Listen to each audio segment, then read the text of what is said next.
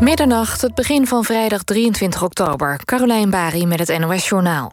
Steeds meer Europese landen voeren een avondklok in. In Frankrijk gold die al in negen steden, maar daar wordt de maatregel fors uitgebreid. In totaal krijgen 46 van de 66 miljoen Fransen te maken met die avondklok... tussen 9 uur s avonds en 6 uur s ochtends. Ook Slowakije en Griekenland voerden vanavond een avondklok in. Daar gaat die gelden in onder meer grote steden als Athene en Thessaloniki. Ook in verschillende delen van Italië, waaronder de grote steden Rome, Milaan en Napels, wordt een avondklok ingesteld. In Noord-Limburg zijn vijf agenten ontslagen vanwege wangedrag. Ze deden meerdere dingen die niet door de beugel kunnen, zegt de politie. Het gaat om pesterijen, ondermijnend gedrag, intimidatie, schending van het ambtsgeheim en misbruik van bevoegdheden. Zes andere agenten krijgen een lagere functie, worden overgeplaatst of moeten salaris inleveren. Programmamaker en journalist Koen Verbraak heeft voor de tweede keer de Sonja Barend Award gewonnen. De prijs voor het beste tv-interview van het jaar. Hij krijgt de prijs voor een gesprek met een Dutchbed-veteraan... in de serie Srebrenica, de machteloze missie van Dutchbed. Verbraak kreeg de prijs uit handen van Sonja Barend... in het tv-programma De Vooravond. Zeven jaar geleden won Verbraak de prijs ook al... voor een kritisch interview met voormalig ABN AMRO-topman Rijkman Groening. Feyenoord heeft zijn eerste wedstrijd in de Europa League dit seizoen niet weten te winnen. Tegen Dynamo Zagreb bleef het 0-0. Feyenoord moest de wedstrijd uitspelen met z'n tienen na een rode kaart. Eerder op de avond won AZ verrassend van Napoli. In Zuid-Italië werd het 1-0 voor de Alkmaarders door een doelpunt van De Wit. Bij AZ ontbraken veel spelers vanwege coronabesmettingen. PSV verloor in Eindhoven van het Spaanse Granada met 1-2. Gutsen zette PSV vlak voor rust nog op voorsprong. Het weer. Vannacht is het nagenoeg droog met brede opklaringen en lokaal mist. Ook morgen overdag is het eerst grotendeels droog. Af en toe zon en later kan in het noordwesten een bui vallen. Het wordt zo'n 16 graden. Dit was het NOS Journaal. NPO Radio 1. VPRO. Nooit meer slapen.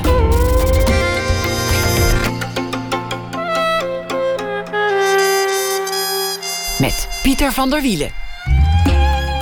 Goedenacht en welkom bij Nooit meer slapen. Dat niks zou gaan als verwacht was natuurlijk te verwachten. Dus besloot mijn gast uur al lang geleden om iets anders te gaan doen met de Amerikaanse verkiezingen. Eerste idee was een rondreis, interview, samenwerking, documentair theater maken. Maar goed, dat liep allemaal anders. 2020 kwam ertussen. Greg Notrot is hier. Hij is theatermaker van Nut, het Nieuw Utrechts Theater. En hij brengt de voorstelling De Chaos van 2020. Rechtstreeks online en in meerdere theaters tegelijk te volgen. Gek Notrot maakte al eerder voorstellingen over de staat van de wereld aan het eind van het jaar. En ook maakte hij eerder een voorstelling Graven over de geheimen die in zijn eigen familie begraven lagen. Gek Notrot werd geboren in 1983. Welkom. Dank je. Leuk dat je er bent. Leuk om er te zijn. Die, die Amerikaanse verkiezingen. Straks is er weer een, een, een debat, als je het nog zo mag noemen. Compleet met volumeknop en microfoons die dichtgaan. En uh, nou ja, dat wordt, wordt waarschijnlijk een soort min of meer georganiseerde café-ruzie, zoals de vorige keer. Ga je nog kijken? Uh, ik denk het niet. Maar, maar misschien wel. Als, het hangt vanaf hoe, hoe, hoe, uh, hoe wakker ik ben na afloop. Maar morgenochtend moeten we weer vroeg repeteren. Is die, die spanning die je, die je dacht te gaan hebben bij deze verkiezingen, die eigenlijk de basis was voor, voor dit stuk, is die nog zo sterk? Um, nee, nee. Vier jaar geleden, toen, toen Hillary Clinton en Trump tegenover elkaar stonden, toen maakten we een voorstelling in de nacht van de verkiezingen. Die duurde twaalf uur lang. En toen vond ik het heel spannend. Uh, en eigenlijk zei iedereen toen: Hillary gaat, gaat makkelijk winnen. En ik hoopte stiekem een beetje dat Trump zou winnen. Dat, dat was heel egocentrisch. Het kwam gewoon voort uit de dramaturgie voor de voorstelling. Ik dacht, als wij twaalf uur lang theater moeten gaan maken rond die verkiezingen. En het is zo duidelijk dat Hillary wint, dan wordt dat geen spannende nacht. Dus jij zat te wensen, laat Trump winnen, dan heb ik tenminste een spannende voorstelling. Totaal absurd. Dat sloeg helemaal nergens op. Dus alles wat ernaast gebeurt, het komt eigenlijk door jou. Ja. Als, nee. als jij die krachten bezit, nee. Nee, nee, nee, totaal niet. Maar het was natuurlijk heel raar dat, het, dat die nacht werd echt een nachtmerrie. Uh, het, het, was totaal absurd. We stonden in de grote zaal van Schouwburg Utrecht met heel veel makers. En het on, onmogelijke uh, gebeurde. En toen dacht ik echt, er staat heel veel op het spel. En, En, en dat stond er natuurlijk ook. Ik bedoel, Trump is een, is, is, is een waanzinnige man. Alleen nu ik door Amerika heb gereisd, weliswaar virtueel, ehm, ben ik me ook steeds meer gaan realiseren dat, dat Trump niet het grote probleem van Amerika is. Want dat zou eigenlijk een, een domme redenering zijn. Die ik bij veel mensen toch een beetje zie. Van nou ja, als Trump weg is, dan uh, is alles weer zoals ik het zo mooi vond. Maar dan, dan ga je een beetje voorbij aan wat Trump vertegenwoordigt. En, en waarom die gewonnen heeft. En wat mensen tegen het establishment hadden of tegen de Democraten. Ja, maar ook aan dat Amerika dus eigenlijk helemaal niet zo mooi was. Um, dat er natuurlijk gewoon heel veel ongelijkheid is en problemen zijn die er ook onder Obama waren, die er ook onder Clinton waren, die, die er ook onder Bush waren. En, en die ongelijkheid en die grote strijd, die eigenlijk nu gaande is, die ook deze, dit jaar voelt, dat er opnieuw momentum is voor, zo, voor de protesten en de demonstraties. Um, ja, daarvoor maakt het niet zo heel veel uit. Of, nou, het maakt natuurlijk heel veel uit. Dit is een van de ruzies en discussies die maar, ik ook... Maar de, de gedachte van alles zal weer bij het oude zijn...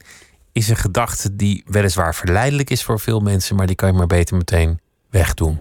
Ja, ik denk dat het oude niet zo aantrekkelijk is als, als mensen denken. En het zal ook niet terugkeren. Wat, wat is het voor project? Want je zei na dit project, na dit onderzoek... wat ben je uiteindelijk gaan doen? Wat was het plan en wat is het geworden? Nou, elk jaar um, denk ik van tevoren na over.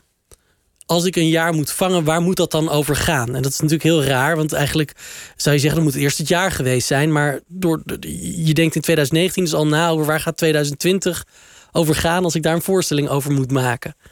En toen dacht ik, nou, die Amerikaanse verkiezingen die gaan een grote rol spelen. En identiteit. Dat, dat, is, dat voelde jij al dat aan. voelde ik al aan dat dat een thema zou zijn omdat dat thema natuurlijk ook al veel langer speelt. Dat is niet iets in 2020 wat begonnen is. Maar mijn positie als witte man, als witte maker, uh, die, daar ging me ook over, over afvragen: wat, wat is dat? Wat ben ik? Wie ben ik in deze wereld? En ik dacht, Amerika is een interessant land om dat als decor te gaan gebruiken. En die verkiezingen als achtergrond. Ondertussen een onderzoek te doen en een zoektocht te doen naar wat identiteit is. En wat identiteitspolitiek is. Um, en dus had ik me voorgenomen om in april rond te gaan reizen door het land. Een maand lang. En uh, heel veel mensen te spreken over dit onderwerp. En over, um, over die divisiveness die er al was. Hè, die er de afgelopen vier jaar alleen maar versterkt is. Maar die polarisatie die er is. Um, en toen kwam corona. En toen konden we helemaal niet naar Amerika. En toen dacht ik, oké, maar het moet wel door. We kunnen niet niks gaan doen. Wat nou als we een virtuele reis gaan maken? Kan ik dan misschien zelfs langs alle 50 staten. Dat kan nooit in een maand, maar nu wel. Via Zoom kan ik 50 Amerikanen spreken. Uh, in elke staat één. Ik ga op zoek naar een soort van representatieve pool van 50 mensen. En als ik die alle 50 spreek, dan kan ik een, een beeld vormen van uh, Amerika, van de wereld, van deze tijd. Wat natuurlijk eigenlijk onmogelijk is, want één persoon per staat is in een. Uh representatieve democratie niet echt een heel lekkere mengverhouding. Nee. nog steeds weinig. En dan spant het er maar om wie jij vindt in die staat. Ja. Maar toch aan het eind weet je hopelijk meer dan aan het begin. Ja, ja de, en, en, en um, ik vind het ook altijd lekker om uh, aan het begin van zo'n zoektocht of onderzoek iets onmogelijks te ambiëren. Dus um, ik, ik, ik wilde niet alleen eigenlijk die mensen interviewen. Ik, het liefst wilde ik ook de wereld redden. Wilde ik ook op zoek naar een soort van uh, uh, mensen die zo tegenover elkaar stonden al. In een poging om die bij elkaar te brengen. Dus kan ik de Trump supporter of de aardsconservatieve gelovigen uh, uh, in, in, contact brengen met de links geëngageerden en de progressieven. En hun aantonen dat ze eigenlijk helemaal niet zoveel van elkaar verschillen. Je wilde een, een vredestichter zijn eigenlijk.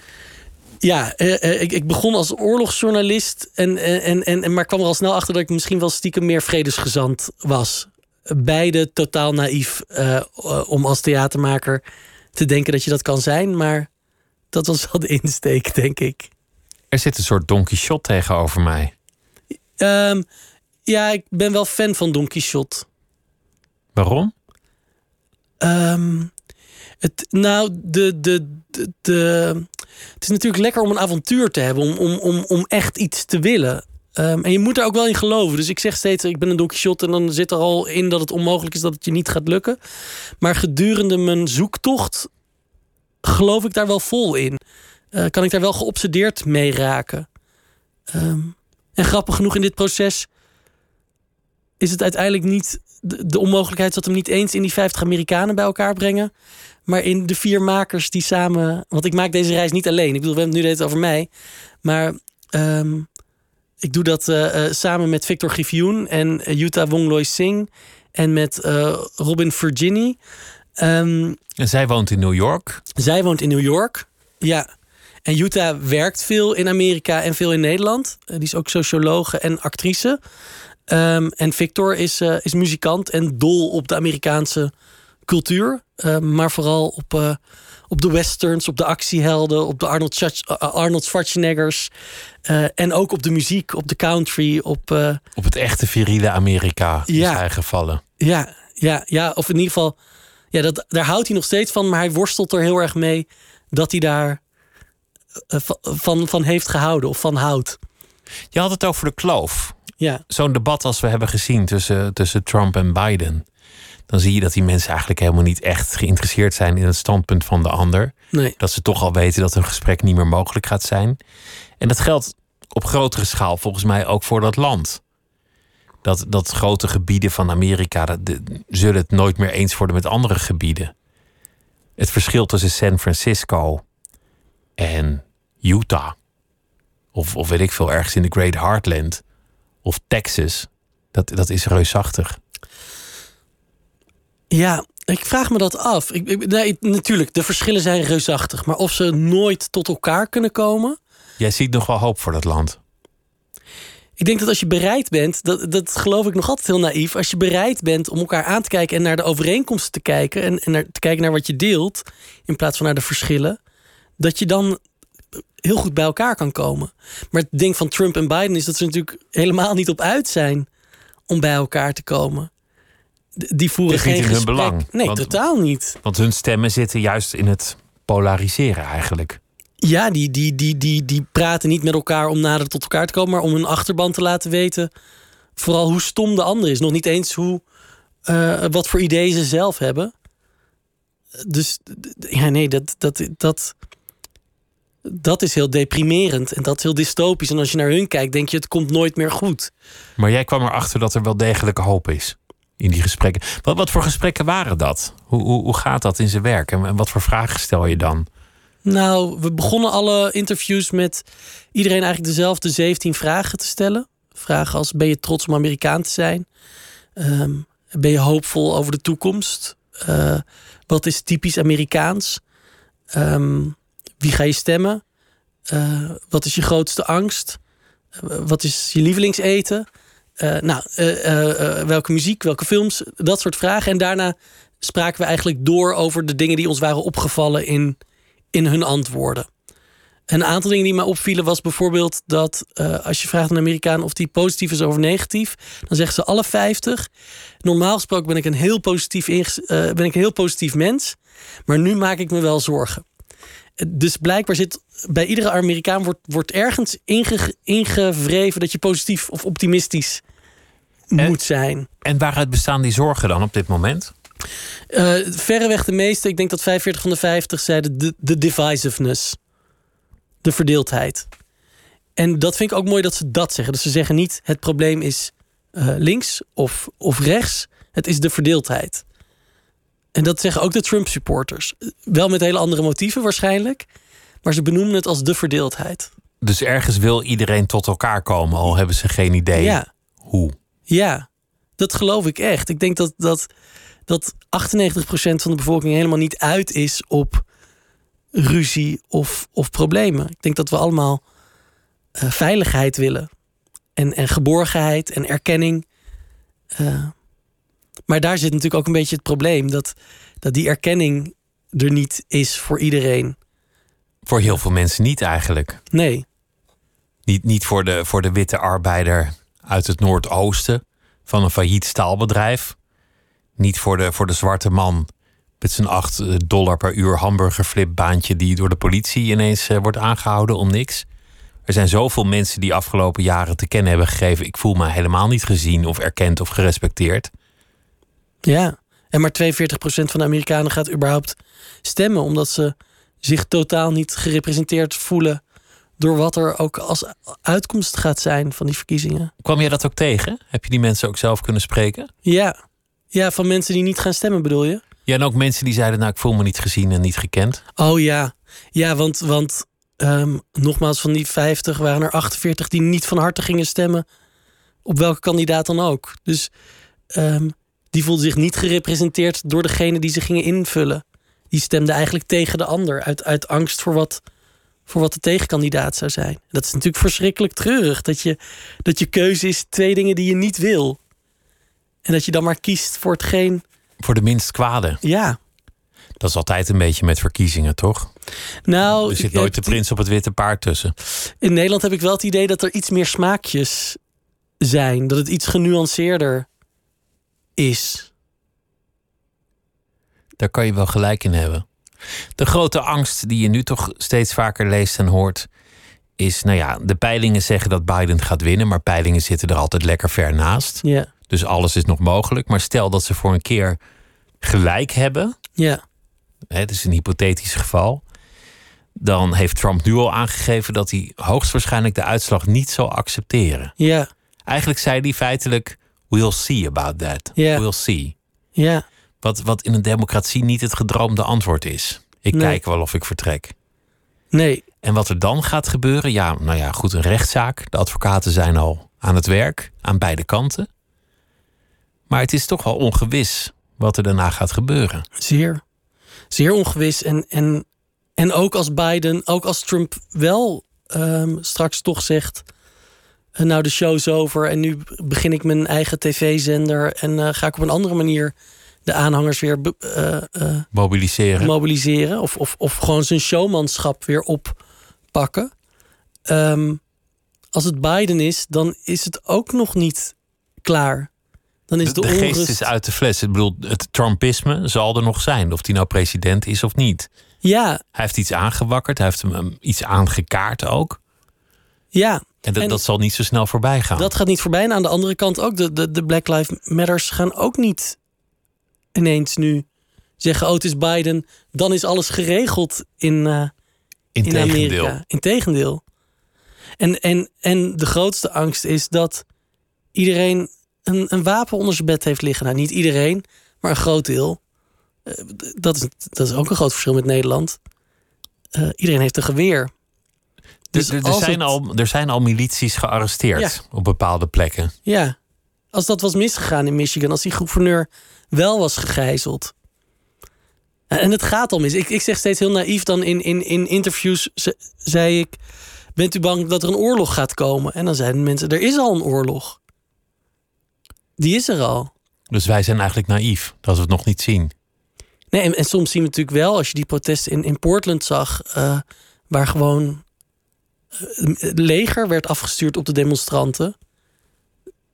Dan, dan is het er al. Ik bedoel, en, en, en de oorlog is ook heel erg eh, virtueel gaande. Dus de, de, de oorlog op de sociale media, die heeft dan weliswaar niet de wapens, maar die strijd. Het, het, er hoeft niet zo heel veel te gebeuren of het slaat echt om in iets gruwelijks fysieks wat zich. eh, wat zich door het land gaat verspreiden. En klinkt dat, hè? Als ik dat zo zeg, dan schrik ik zelf wel een beetje. Ja, het Van wat ik sprankje zeg. hoop is, is dat uiteindelijk het, het leger toch een gematigde factor is gebleken. Dat ze zich niet zomaar op iedereen af lieten sturen. En dat ze ook op een paar keer hebben gezegd: Nou ja, dit doen we gewoon niet. Of, of we hebben een beter Ja. plan. Ja, Dus het is bijna zoals vroeger in, in veel Zuid-Amerikaanse landen. Dat je moest afvragen wie heeft het leger achter zich staan. ja. Maar, maar dat, dat blijkt toch wel een matigende factor. Ja, hoewel er zijn ook wel stemmen die zullen zeggen... maar zoals de politie nu in Amerika functioneert... is dat al eh, een, een gecorrumpeerd eh, leger... wat op een bepaald deel van de bevolking... veel strenger eh, schiet en, en oppakt. En de, de zwarte bevolking voelt zich natuurlijk gewoon onderdrukt... en is angstig voor de politie. Nou, kortom, dit, dit was het plan voor jouw theatervoorstelling. Identiteit en Amerikaanse verkiezingen en dan documentair theater. En toen kwam, kwam om, het, om het allemaal af te maken, COVID er nog eens overheen. Wat voor voorstelling wordt het nu? Hoe gaan jullie dat doen? Nou, ehm, we hadden bedacht dat in, in het begin was het zo dat dan de zalen mochten nog maar een derde gevuld worden. Uh, de, voor de laatste maatregelen was dat wat wij dachten um, in de zomer. Toen ik moest nadenken over hoe dan. En toen zeiden we, nou, als we uh, uh, um, een derde van het publiek maar mogen ontvangen, dan gaan we gewoon op drie plekken tegelijkertijd spelen. En hebben we op die manier toch weer een, een volle, volle zaal. zaal. Ja. Dus dan gaan we in de Schouwburg staan. Dan maken we een eigen theatertje in, in, in Leidse Rijn, het stadsdeel van Utrecht, waar wij uh, gehuisvest zijn. En we ontvangen een derde van ons publiek, elke avond 50 mensen, via de Zoom. die kunnen vanuit thuis kijken. Als, als ze dan toch bang zijn om te komen, dan kan je zo de voorstelling volgen. En we bedachten ook, dan spelen er acteurs in de Schouwburg. Ik speel op het Vaste Theater in Leidse Rijn. En Robin die speelt op de Zoom. En eigenlijk zijn er drie voorstellingen die samen spelen, maar af en toe ook uit elkaar kunnen gaan. Dus je krijgt drie perspectieven op dezelfde roadtrip. Of, of, ja, dezelfde roadmovie die we met z'n met allen hebben afgelegd. Um, dus dat was waar we tot twee weken geleden aan, aan het werk waren. Um, maar met de laatste beperkingen, dat het toch nog maar weer 30 mensen mogen zijn. En heel veel schouwburgen besloten hebben om toch dicht te gaan, omdat het gewoon niet rendeert hebben we moeten besluiten dat we de tour door de Schouwburgen niet meer kunnen, kunnen doen. Dus we spelen nu op twee plekken. We spelen nu op onze vaste plek in Leidse Rijn en voor de mensen thuis. En dan hangt er natuurlijk toch nog een soort uh, zwaard of hamer, zoals Mark Rutte zegt, boven ieders hoofd. Om, omdat nadere maatregelen geadviseerd worden. Ja, dus het kan ook nog zo zijn dat we straks um, moeten besluiten om de voorstelling nog weer om te bouwen uh, naar alleen maar een Zoom-voorstelling. 2020 was niet het jaar voor mensen die van hun comfortzone hielden. laten, we het, laten we het daarop houden. deze manier van theater maken, je, je, hebt geleidelijk aan een beetje je eigen weg gevonden daarin. Hoe is dat gekomen? Hoe is het gekomen dat, jij dit soort theater maakt? Um, nou, aantal dingen. Ik, ik, Want jij, jij, staat nooit op het podium als Don Quixote of als uh, Hamlet of wat dan ook. Je staat er eigenlijk altijd als jezelf. Ja, ja. Ja, ik, ik ben een belabberd acteur. Daar dus ben je achter gekomen door schade en schande. Ja, ik denk dat dat. Ik, ik, kan me herinneren in het eerste jaar van de toneelschool dat ik daar tegenover de hoofddocent zat en die zei: Jij kan niet zingen, je kan niet uh, uh, transformeren, je hebt geen ritmegevoel. Je, en, en die maakt zo'n hele opsomming. Een lekkere pep talk aan het begin van je opleiding. En toen zei ze: Maar er is wel iets maar ik weet niet wat. Weet jij het? dat was... Je moet toch iets kunnen? ja. Um, dus ik kan iets. Ik, kan, ik, ik heb het altijd naar mijn zin met mijn publiek. Um, en uh, ik vertel graag. En ik denk ook dat ik, ze, dat ik dus het publiek goed kan meenemen in de dilemma's die ik zelf heb. En ik, ik ben ook niet helemaal mezelf. Dat is ook niet waar. Want, uh, er wordt wel degelijk geacteerd. Ja, en er wordt veel gelogen. Dus het is altijd, het is niet, het is niet zo document, het is het, document, het documentaire met fictie door elkaar. Ik bescherm de waarheid door er een flinke dosis leugen aan, aan, aan toe te voegen. En je streeft ook wel naar effect. En soms sta je ronduit te smieren, maar dat allemaal verkleed als jezelf. Ja, ja, ja nee, ik speel ook groot mezelf. Dus ik, uh, ik ben wel gul in, in het spelen. Um, maar ik, ik ben wel, ik, in het dagelijks leven ben ik gelukkig niet zo niet de man die we op het podium zien. Nee. Soms ook tot teleurstelling van mensen. Het lijkt soms bijna alsof de nazit al begonnen is. Het moment dat je de, de, de voorstelling evalueert en de gedachten erbij vormt. Ja, dat, dat was natuurlijk vanaf het begin. Nou, ik weet dat ik op de toneelschool een andere docent zei tegen mij: jouw voorstellingen worden steeds korter. Het lijkt alsof je steeds sneller naar de kroeg wil om erover na te praten. dacht ik: oh ja, dat is het. Ik moet gewoon dat nagesprek een plek geven binnen de voorstelling. Dus um, ik wil niet dat, dat de voorstelling, als het publiek komt kijken, moet het niet gaan over knap gespeeld of mooi gemaakt. Het moet gaan over het onderwerp. En ik wil ze aan het denken zetten en ik wil ze bij dat denken betrekken. Ik wil, ik wil niet alleen dat ik ze aan het denken zet, ik wil dat zij mij ook um, aan het denken zetten. Dus liefst al met een drankje erbij, want, want de halve zaal denkt toch als het voorbij is, neem ik een, neem ik een biertje. Dus geef ze maar meteen ja, iets te drinken. Ja, het, het, het, uh, bij terug, uh, een voorstelling die ik maakte, terug naar de kersentuin, kreeg iedereen oezo halverwege omdat ik dacht dat dat hielp om het denken uh, te verlichten. En ook vanwege jouw Griekse roots. Hij speelde, hij speelde zich af in Griekenland. ja, vandaar specifiek de Oezo. Um, nee, dus, dus het, het, het gastheerschap. je hebt makers of acteurs die moeten zich opsluiten voordat ze opgaan om zich te concentreren. Die doen hun stemoefeningen. Die... Mijn allerbeste warming-up is drie kwartier lang ehm, door het publiek heen rennen om te zorgen dat iedereen een drankje heeft en alle bestellingen op te nemen. Dus en dan heel vaak, kunnen we beginnen. Ja, dan kunnen we beginnen. En dan schrikken mensen soms dat de ober uh, de acteur blijkt te zijn.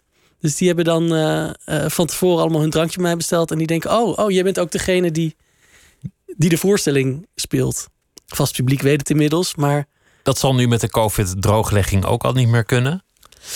Nee, dus dan, nou ja, bij, bij Graven ging het per fles. Dat, dus dan, uh, dan, dan konden mensen niet meer een glas wijn bestellen, maar wel een fles wijn. Dan zaten ze allemaal in hun eigen huiskamertje. En dan uh, probeerde ik er toch nog uh, op anderhalve meter afstand tussendoor te lopen en te bewegen. Die, die staat van het jaar, dat, dat doe je ook eigenlijk al een tijdje. Een soort yeah. terugblik op de toestand van de wereld. Je, je maakte er eentje alweer een tijdje terug over de leugen van Halbe Zelstra. 2018 was dat, twee jaar terug, ja. Ja, hij had, hij had, toen gezegd dat hij op de dasha van Poetin was geweest. Meerdere keren had hij dat gezegd. En uiteindelijk moest hij bekennen dat hij daar natuurlijk helemaal niet was geweest. Ja, ja fascinerend. Ik, nou, ik ben dol op de leugen. Ik ben altijd groot fan geweest van de leugen. Maar de afgelopen jaren... Fan, is, fan is dat ook voorstander? Um, nou, ja maar natuurlijk niet in de politiek of in het publieke. Dus uh, ik vind dat uh, de leugen is wordt gekaapt en, en, en, en, en, en um, wordt slecht behandeld door mensen die eigenlijk er niet goed mee om kunnen gaan. Dus het mooie aan de leugen is dat je in het theater mag het. Daar mag je hem gebruiken. Daar, daar moet je hem gebruiken. En daar kan die je ook veel leren over de waarheid. Um, het is een groot misverstand dat je in het dagelijks leven op eenzelfde manier mag liegen. Het hangt ook een beetje af van, van het doel van de leugen. Als je moeder zegt, wat vind je van mijn jurk, dan mag je best liegen. Dat, dat is gewoon beleefdheid. Ja, maar als je, als je liegt van, ik weet heel veel van buitenlandse zaken, ik moet minister worden, want ik kom bij wereldleiders op de koffie. Dat, dat, is, een, dat is een hele operatieve leugen. Nou, het is, het is natuurlijk veel knulliger nog gegaan bij die arme man. Want hij had de leugen maar niet zelf bedacht. Het, het, uh, hij was verkeerd begrepen door, door iemand. En, en hij heeft het niet ontkend. Dus iemand anders zei: Oh, maar jij had toch verteld dat je bij, bij Poetin in de Dacia was geweest? Hij had verteld: Mijn baas was bij, de, bij, bij Poetin in de Dacia geweest. Alleen hij heeft dat niet gecorrigeerd. Dus hij dacht: Dit laat ik gewoon zo. Dit is, dit is ja, mooi. hij heeft dat de eerste keer toen dat werd verteld, heeft hij gezegd: Ja. En niet snel genoeg zichzelf gecorrigeerd. En toen werd hij zo een keer geïntroduceerd. En, en ja, op een gegeven moment zit je aan iets vast. En dan weet je niet meer op welk moment je moet zeggen het klopt niet. En dan ga je er maar in mee. En dan blijf je volhouden. Ja, ik begrijp dat heel goed hoe dat gebeurt en hoe dat overkomt. Hoe terloops dat tot stand kan komen. Ja, ik neem hem dat eigenlijk niet eens. Het, het, is verschrikkelijk wat hij heeft gedaan met cultuur. Maar dat hij heeft gelogen over die dacha van Poetin is, is een beetje zielig, is een beetje onhandig. Het, ik vind dat niet eens zo ontzettend kwalijk, als ik heel eerlijk ben. Het deed me een beetje denken aan, aan de lagere school. Dan had je van die jongetjes die zeiden dat hun. Uh hun vader kapitein op het grootste schip van de zee was. ja. ja. ja, ik was. Uh, ik, ik, ik, um, ik zat op een Montessori school. En, en daar kon je met, met goed praten of argumenteren ook wel veel gedaan krijgen. En uh, ik werd me al wel snel bewust van dat het me kon helpen. Dat ik de leugen ook daarin best wel effectief kon inzetten. Ik, ik heb ooit een. Um, moesten een. Het is een heel stom voorbeeldje hoor, maar een, een werkstuk inleveren. En ik had dat niet gedaan, maar ik zei dan wel tegen de docent dat ik het had ingeleverd.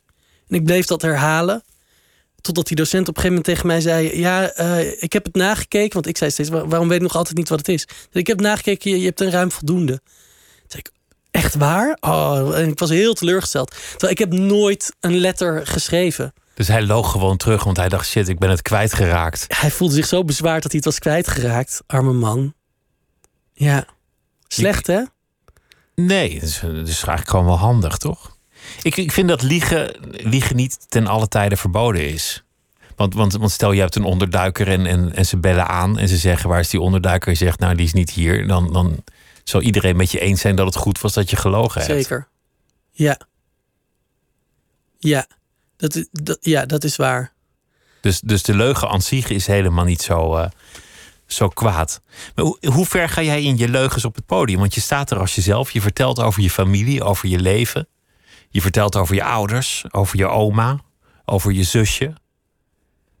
Over jezelf, over je jeugd, over je. Ja, je dus liefdes. ik vertel daar niet. Ik, ja, dat is dus ingewikkeld. Ik, ik, het lijkt alsof ik over hen vertel, dat snap ik wel. Dat is de vorm die je gekozen hebt, maar het is allemaal fictie.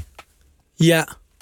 Ja, en, en het, ik weet dus ook niet hoe belangrijk het is of het wel of niet waar is. Dus, dus ehm, ik speel ook veel bijvoorbeeld samen met, met mijn vriendin, eh, met, met Floor, Floor Lene. Eh, eh, wij maken al heel lang samen, nog voordat wij een relatie kregen. Ehm, en mensen weten dus ook nooit na afloop wat er wel of niet waar is. En ik denk niet dat het heel erg uitmaakt voor je beleving van de voorstelling. Of wij, of het allemaal echt is of, of niet. Vind je familie dat wel leuk? Nee, niet altijd. Nou, dat ehm, het is natuurlijk voor hun soms wel ingewikkeld, omdat zij komen kijken en zij herkennen de dingen die, die waar zijn en niet waar zijn, maar soms trappen ze er ook in. Ehm, dus, dus bij de laatste voorstelling bijvoorbeeld, mijn vader weet heel goed wat het echte verhaal is, maar die ging twijfelen door wat hij in de voorstelling zag. Ehm, en misschien moet ik dan iets meer context geven over de voorstelling. Maar het was, het, het, het voorst, de voorstelling ging over mijn eh, oma. ik twijfel altijd of ik dus nu moet vertellen of die echt over mijn oma ging. Of, ehm, In het verhaal dat je vertelde ging het over je oma. Precies, precies. Eh, en het ging over een. ehm, eh, mijn oma is aan het dementeren en die is in haar dementie een naam gaan prevelen die wij ehm, nooit eerder hadden gehoord. Een Duitse naam. Een Duitse naam, Heinrich. En ehm, wij werden nieuwsgierig naar wie die Heinrich was. En zijn dat gaan onderzoeken. En zo kwamen we Heinrich op het spoor. Zo kwamen we erachter dat mijn oma een relatie heeft gehad met een Duitse militair. Eh, ze was verloofd met die Duitse militair. Ehm, en dat, dat, dat hebben wij nooit geweten. Eh, haar vader was bij de NSB. Ze was zelf korte tijd lid van de NSB. En dat is mijn allerliefste lievelings eh, oma. Dus het was heel raar om daar laat achter te komen. Dus zij was wat na de oorlog ging heten een moffenmeid. En er zijn nog wel, wel kwalijker termen voor te bedenken. Ja, En zij was dus ook fout. nou dat is dan een van de vragen die ik me gedurende die voorstelling eh, Stel, stel. Of ze dan ook fout is. Ehm, en dat, is dus ook, dat vind ik ook heel moeilijk om dat achteraf te gaan, te gaan veroordelen of te gaan beoordelen. Maar ik vind het wel heel interessant om dat te onderzoeken en te bevragen. je graaft dus in de geheimen in jouw familie. Eigenlijk ook in een, in een stuk pijnlijk verleden voor jouw familie. Dat, dat maakt je misschien niet het favoriete familielid van eh, deze en of geen. Als je op het podium dat soort dingen allemaal staat te vertellen. Nee, nou, dat weet ik niet. Nou, ik weet wel dat ze het nu niet allemaal leuk vonden. Vooral omdat ik soms dan vergeet om ze van tevoren op de hoogte te stellen van dat ik dat ga doen. Dus eh, voor mij is het ehm, een hele persoonlijke, een heel persoonlijk onderzoek. Eh, en ik, eh, en- deels is het documentair, maar ik, ik maak daar fictie van. Dus ik weet ook hoe ik mezelf ervoor moet beschermen. Hoe ik mijn oma ervoor moet beschermen. Ehm, maar ik sta er niet genoeg bij stil dat eh, het voor mijn familie ook heel persoonlijk is. Ehm, en het gekke is, de voorstelling ging vooral ook over hoe bespreken we nou de pijnlijke eh, momenten uit onze geschiedenis. En daar maak ik een hele voorstelling over. Daar ga ik met al het publiek over praten. Maar ik heb dat gesprek dus niet goed gevoerd met mijn eigen familie in aanloop naar de voorstelling toe. In het theater lukt het wel, maar thuis toch niet helemaal.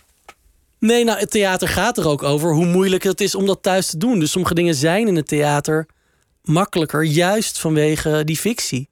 Vanwege die beschermlaag die je kan toevoegen. De vraag die het bij mij opriep is: zijn geheimen niet beter als geheimen? Moet je ze niet gewoon laten zitten waar ze zitten? Zo- Zoals je de leugen kunt omarmen, kan je misschien ook respect hebben voor het geheim. Ja, Ga maar niet graven, ga maar niet spitten. ja, Laat het maar daar. ik ben het wel met je eens. Maar ik heb wel die voorstelling gemaakt. Dus het was te laat. Nou, het was heel raar, omdat ik. eh, Dat was eigenlijk het startpunt van, van mijn onderzoeksvraag. Maar ik dacht, hoe kan ik nou daarmee beginnen in een voorstelling terwijl die voorstelling er is?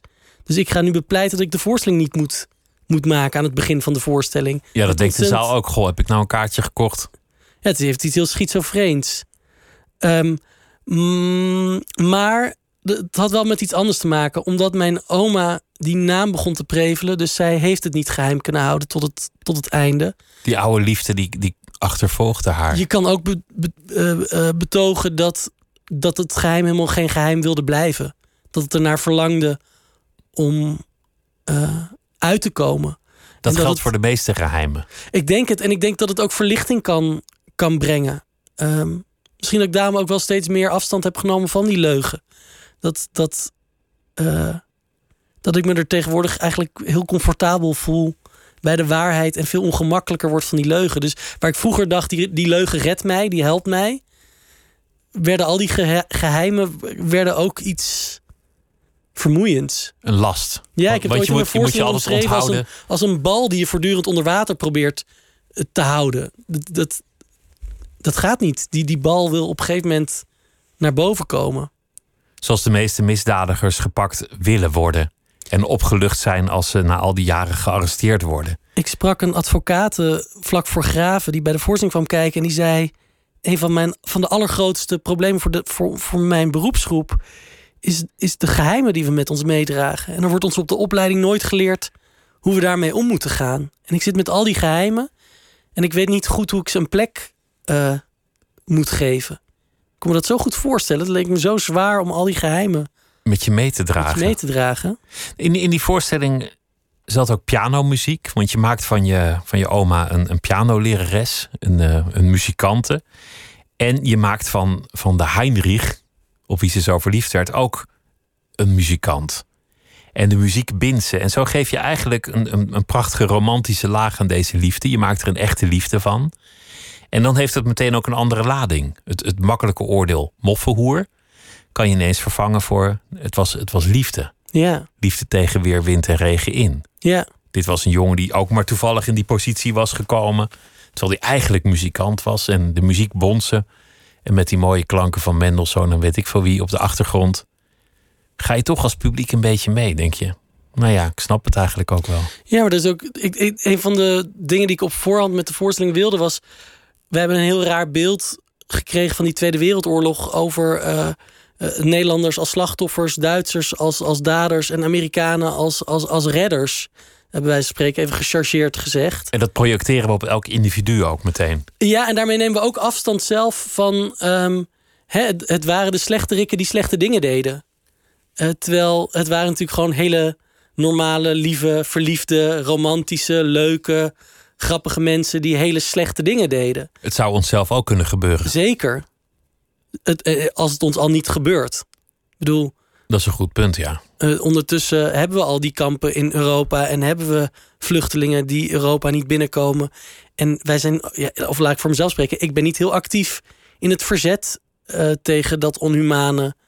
Ehm, ik, ik, ik, ik hoor bij de groep die dat toestaat. Ik ben er wel tegen, ik vind het verschrikkelijk, maar ik doe niks. Nee, ik zou mezelf op dat vlak ook geen medailles willen opspelden. Nee. Voor wie net inschakelt, Greg Notrot zit hier en we hebben het over eh, theater. Naar aanleiding van eh, een voorstelling over de Amerikaanse verkiezingen en het jaar 2020. Die hij eh, nu aan het maken is en die binnenkort te zien zal zijn. Online en voor een deel ook in het, in het theater. Je had het over je vader. Want ik vroeg hoe vindt je familie dat als je, als je dingen openbaart. Die komt ook voor in die voorstelling, want hij maakte ook een boek over het familieverleden. En jij kwam, lezend in dat boek, achter allemaal seksuele aspecten van het verleden van je vader. Ja. Alle smeuïge verhalen van, van wel eer had hij aan dat boek toevertrouwd. Ja. En jij vond het funzig om over het seksleven van je ouders te, te lezen. Ja. Ja, en dat is natuurlijk ook eh, om, om dit maar even aan de, aan de realiteit te koppelen, bijvoorbeeld.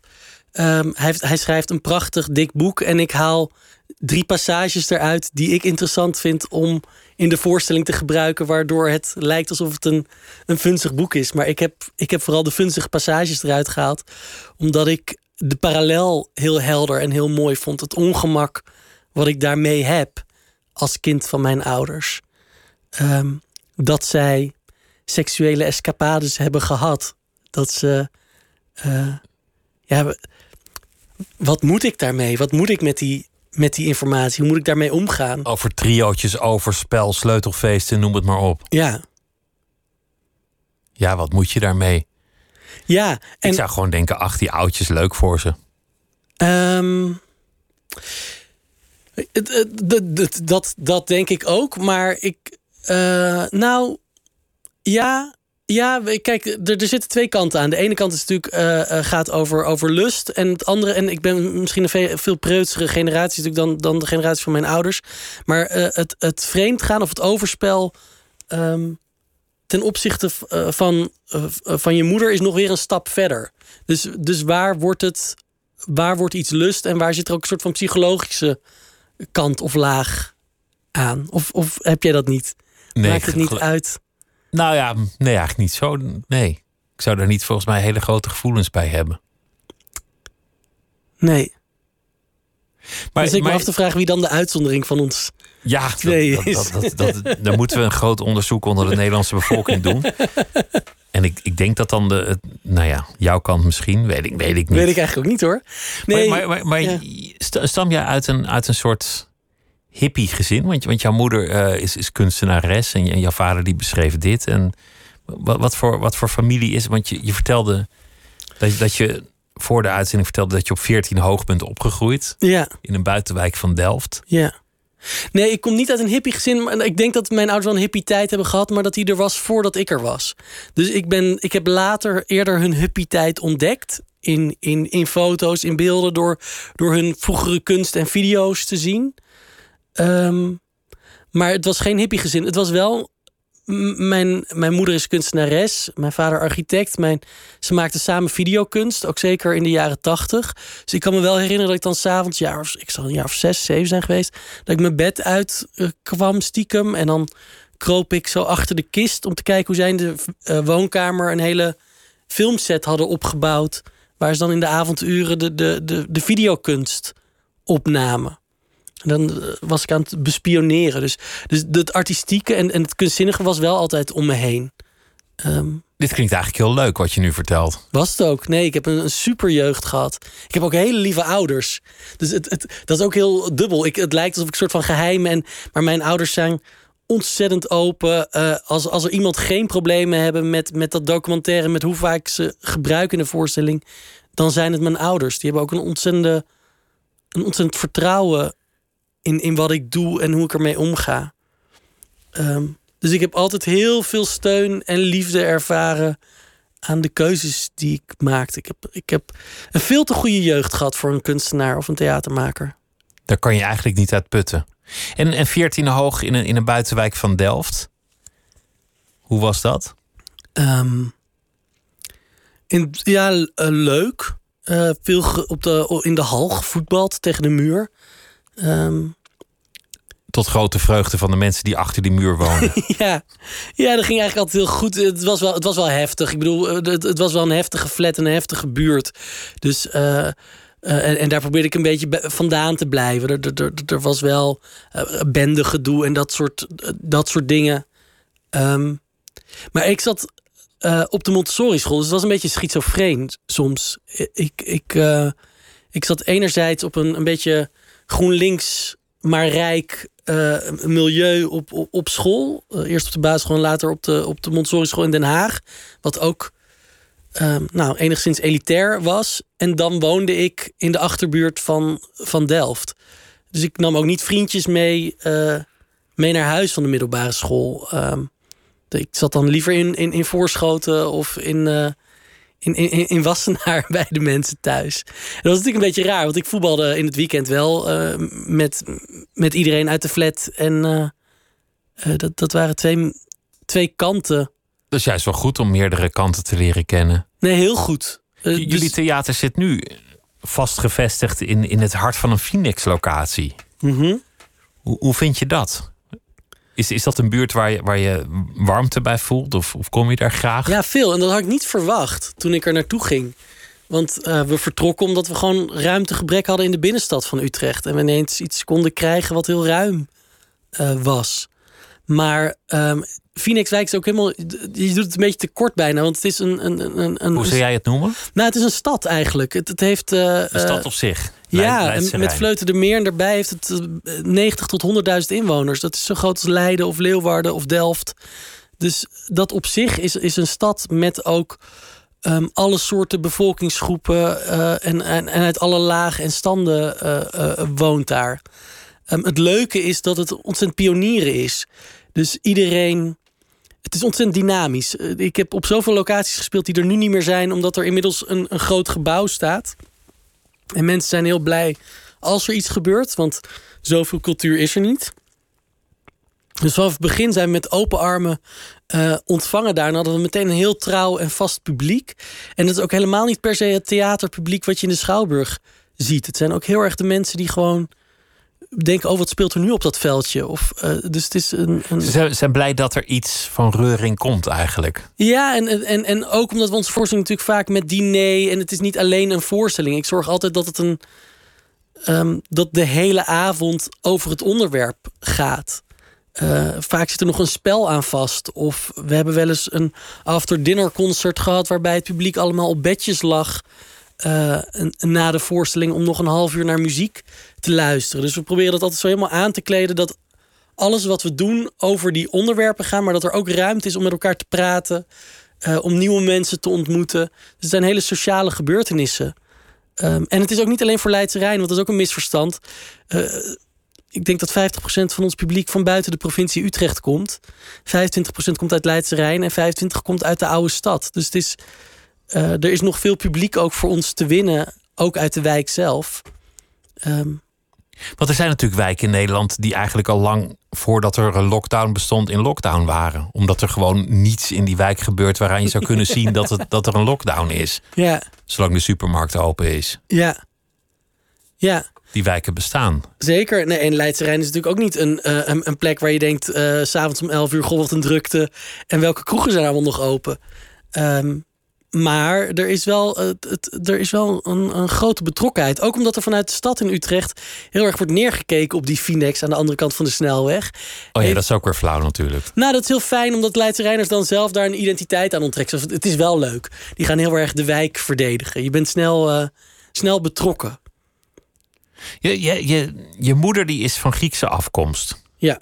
En, en dat betekent dat jij waarschijnlijk ook wel iets meer, want je, je had het net al over Oeso, dat je ook iets meer hebt meegekregen van die Griekse cultuur. Ja.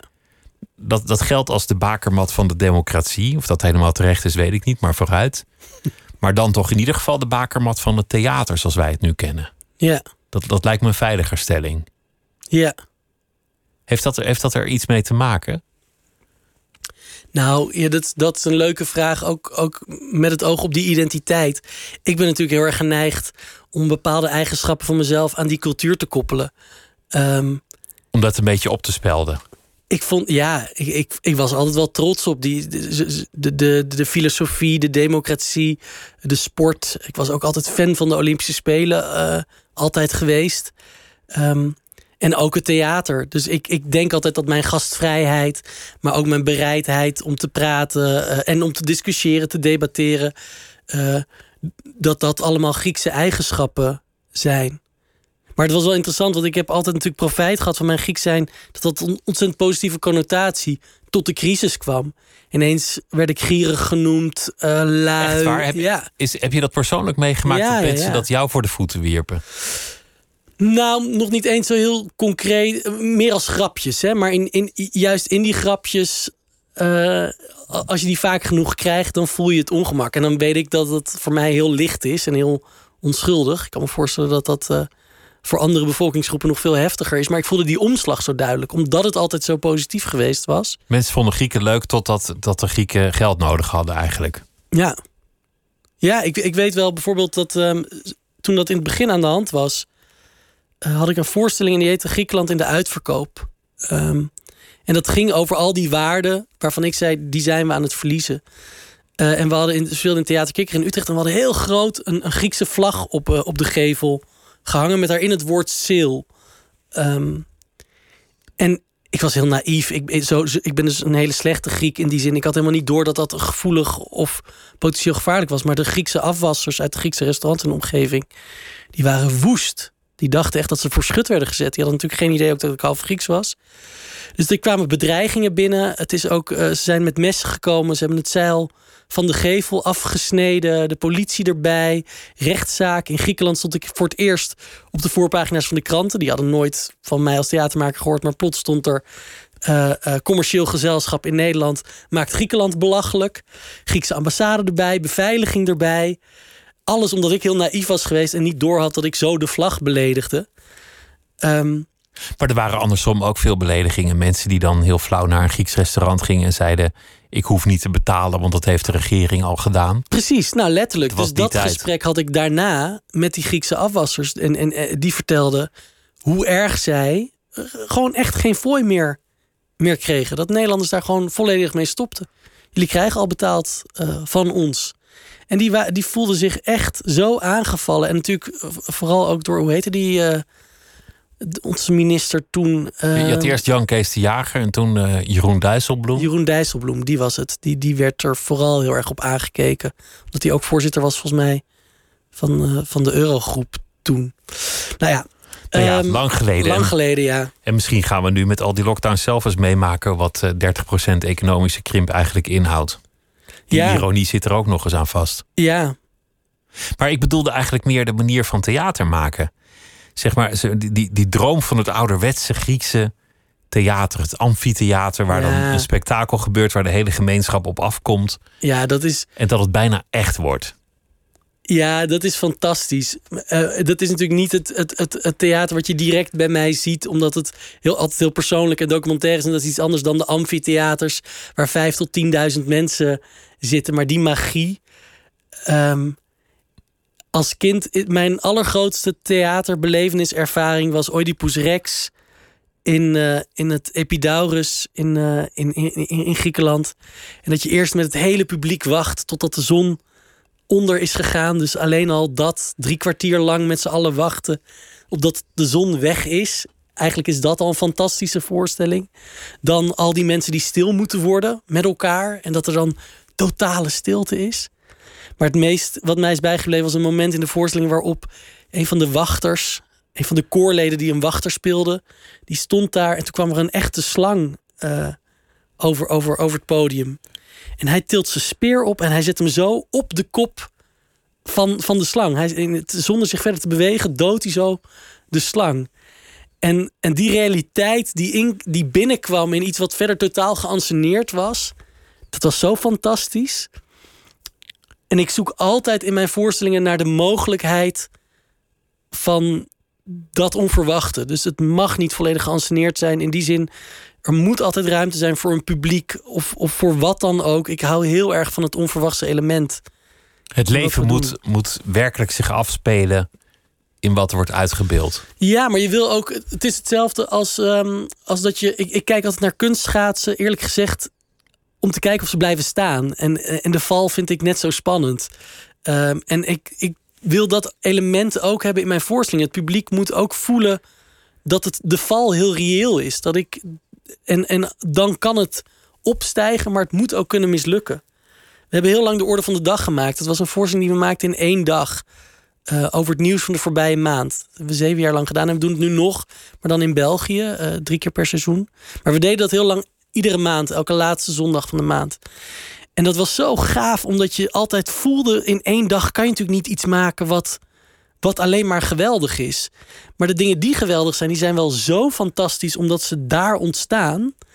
Je kan het best aan een voorstelling maar een dag werken... of acht weken. Want je moet dat gevaar voelen, want dan wordt het menselijk. Het, is eigenlijk als een superheldenfilm Superman of Batman die, die springt van het dak en die komt op zijn pootjes terecht. En dat is helemaal niet spannend, want hij is een superheld. Ja. Dus je weet toch al dat het goed komt. Ja. Maar in die paar films waar hij even met zijn benen staat te, te trillen en aarzelt of hij dat wel kan. En of het hem wel gegeven is. Nee, maar dus in... Dan wordt het spannend. Ja, en in films heb je dus per definitie niet. Ik, Want het ligt al vast. Het ligt al vast. Die film die gaat altijd goed zijn. Ze hebben de beste shots gekozen. Alles, alles gaat lukken in de film. Zelfs de mislukking is geanceneerd en bedacht. En, en ik stoor me aan theater in Schouwburgen... wat vaak een live film is. Wat, wat zo goed gerepeteerd en geanceneerd is. Dat, dat kan dan nog heel mooi zijn. Ik bedoel, ik kan door film ook geraakt worden. Maar die spanning van... Uh, het reële gevaar dat het ook mis kan gaan als je dat voelt, dat kan een scène zo optillen. Dat kan het echt een wonder maken als het lukt. Een soort jazz van het theater eigenlijk. Ja, ik hou daar heel erg van. Op Oerol hebben we het ook gedaan. Dan maakten we in negen dagen negen verschillende voorstellingen. Het was doodeng. Het was verschrikkelijk. Ehm, maar ook fantastisch. Wat, wat gaat er nu verder gebeuren? Want uh, oké, straks dat debat, dat wordt vast helemaal niet leuk. ik ga toch kijken, denk ik. Ik ook. Waarom eigenlijk? Maar goed, toch maar even kijken. En dan gaan jullie verder met die voorstelling. Ik zag jullie via Zoom repeteren. En zag toch ook wel nu die spanning van ja, het, het, het is er nog niet helemaal. We zijn er nog niet. De, dus, dus dat. Uh... En dan staat het intussen ook nog een beetje op losse schroeven, natuurlijk. Alles permanent, de hele tijd. Ja, want je hebt gisteren, was het gisteren of eergisteren dat je even mee, meespiekte? Gisteren. Gisteren, ja. Nou, het is bizar dus hoeveel er in twee dagen kan gebeuren. Waar ik, erg, of waar ik gisteren echt nog dacht, uh, hoe gaan we dat doen in een week? Denk ik nu, oh wauw, wat kan er veel in twee dagen? Het gaat echt... Het krijgt zijn vorm wel, toch? Ontzettend ineens. Maar, maar ik, ik, ik, het is zo stom. Hoe kan je nou elke keer bij elk project opnieuw denken dat het niet gaat lukken? Het is, en dat het, het, terwijl je inmiddels toch moet weten dat het altijd wel gelukt is. Maar dat je daar dus geen comfort in vindt in, in die gedachten. Waarschijnlijk zou die gerustheid helemaal niet goed voor je zijn. Nee, maar die ongerustheid is toch ook niet ideaal? Het, het vreet aan je, je zweet peentjes. Oh joh, ja. Ja, heel erg, ja. Ja, en, en in dit keer was het nog extremer omdat ik het, het, het onderwerp heel ingewikkeld vind, omdat ik de vorm ingewikkeld vind, omdat ik het proces lastig, uh, lastig vond. Dus, dus nu dacht ik echt, gaat er wel iets zijn? En nu denk ik nog, gaat er wel iets zijn, maar dat heeft inmiddels meer met de COVID uh, te maken dan, um, dan met hoe we aan het werk zijn. Het wordt wel een hele wezenlijke, bijzondere, rare ervaring, ja. En dit wordt sowieso het raarste jaar uit, uh, uit de meeste levens. Normaal maak Weten we niet. Ik ben heel. Ik zei tegen de taxichauffeur ja. hier naartoe. Ik ben zo benieuwd hoe we over tien jaar uh, tegen dit jaar aan gaan kijken.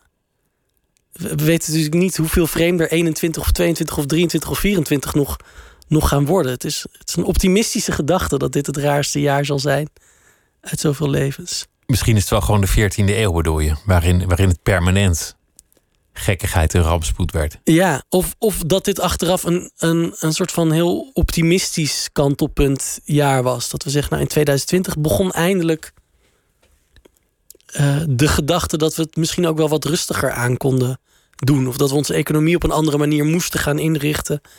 Want we konden ons niet meer alleen maar via het werk er afhankelijk van maken. Nou, ik weet niet. Dat soort analyses leer je ook, uh, lees je ook wel hier en daar. Wat, wat vaak zo is, is dat het ook een mysterie is dat je nog niet ontrafeld hebt. En als je het dan eenmaal ontrafeld hebt, zoals je, je was je sleutels kwijt. Maar als je ze eenmaal gevonden hebt, is dat helemaal niet meer spannend. Want dan weet je dat ze al die tijd gewoon op tafel lagen. En misschien is dat met COVID ook wel zo. Dat als we eenmaal dat virus echt ontmaskeren, dat we echt weten hoe het werkt en waarom het bij de een helemaal losgaat en bij de ander niet. Dat het echt totaal niet meer spannend is. Wat, wat wel, wat zo interessant is aan dat COVID is um, dat die verandering dus wel mogelijk is. Dat, dat, dat er iets kleins maar hoeft te gebeuren. Er, er hoeft dus ergens maar een, een, een bacterie over te springen van een dier op een mens. Of wat is het? Het is geen bacterie. Een virus. Een virus, ja. Ja. En, en dat kan de wereld platleggen. Dat kan veranderen. We hebben al het idee, als, als we het hebben over grote veranderingen, dat die niet kunnen. Hè? Dat dat, we kunnen niet zomaar met de luchtvaart stoppen. Of we kunnen niet zomaar. En, en zo'n virus laat zien, ja, nee, dat kan wel. Alles kan. Alles kan. We kunnen daarvoor kiezen. Dat zijn mogelijkheden. En dat, dat vind ik wel interessant om, om te zien dat dat wel mogelijk is, verandering. Ten goede en ten kwade. Ja. Maar dat merken we wel. Ik wens je heel veel succes met uh, de voorstelling. Wanneer gaat het beginnen? We spelen vanaf volgende week woensdag. Dat is de 27, uh, slecht hè? Ik heb de data niet op een rijtje. Vanaf volgende week woensdag spelen we de hele maand lang. Vanaf 28 oktober tot en met uh, 28 november. Ik wens je veel plezier. Greg Notrot, dank je wel. Het was leuk dat je te gast wilde zijn. Heel graag gedaan. Ik wens je heel veel uh, plezier. En morgen dan is uh, Nooit meer slapen er weer. En dan uh, gaat het over dans. Marijn Rademaker die komt dan op bezoek. En zometeen Misha Blok in haar hoedanigheid als Miss Podcast. Goeienacht en tot de volgende.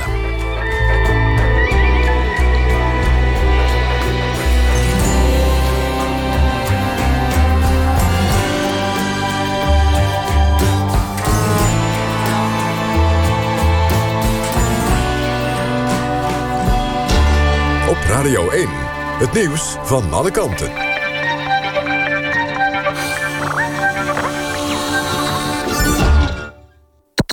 NPO Radio 1.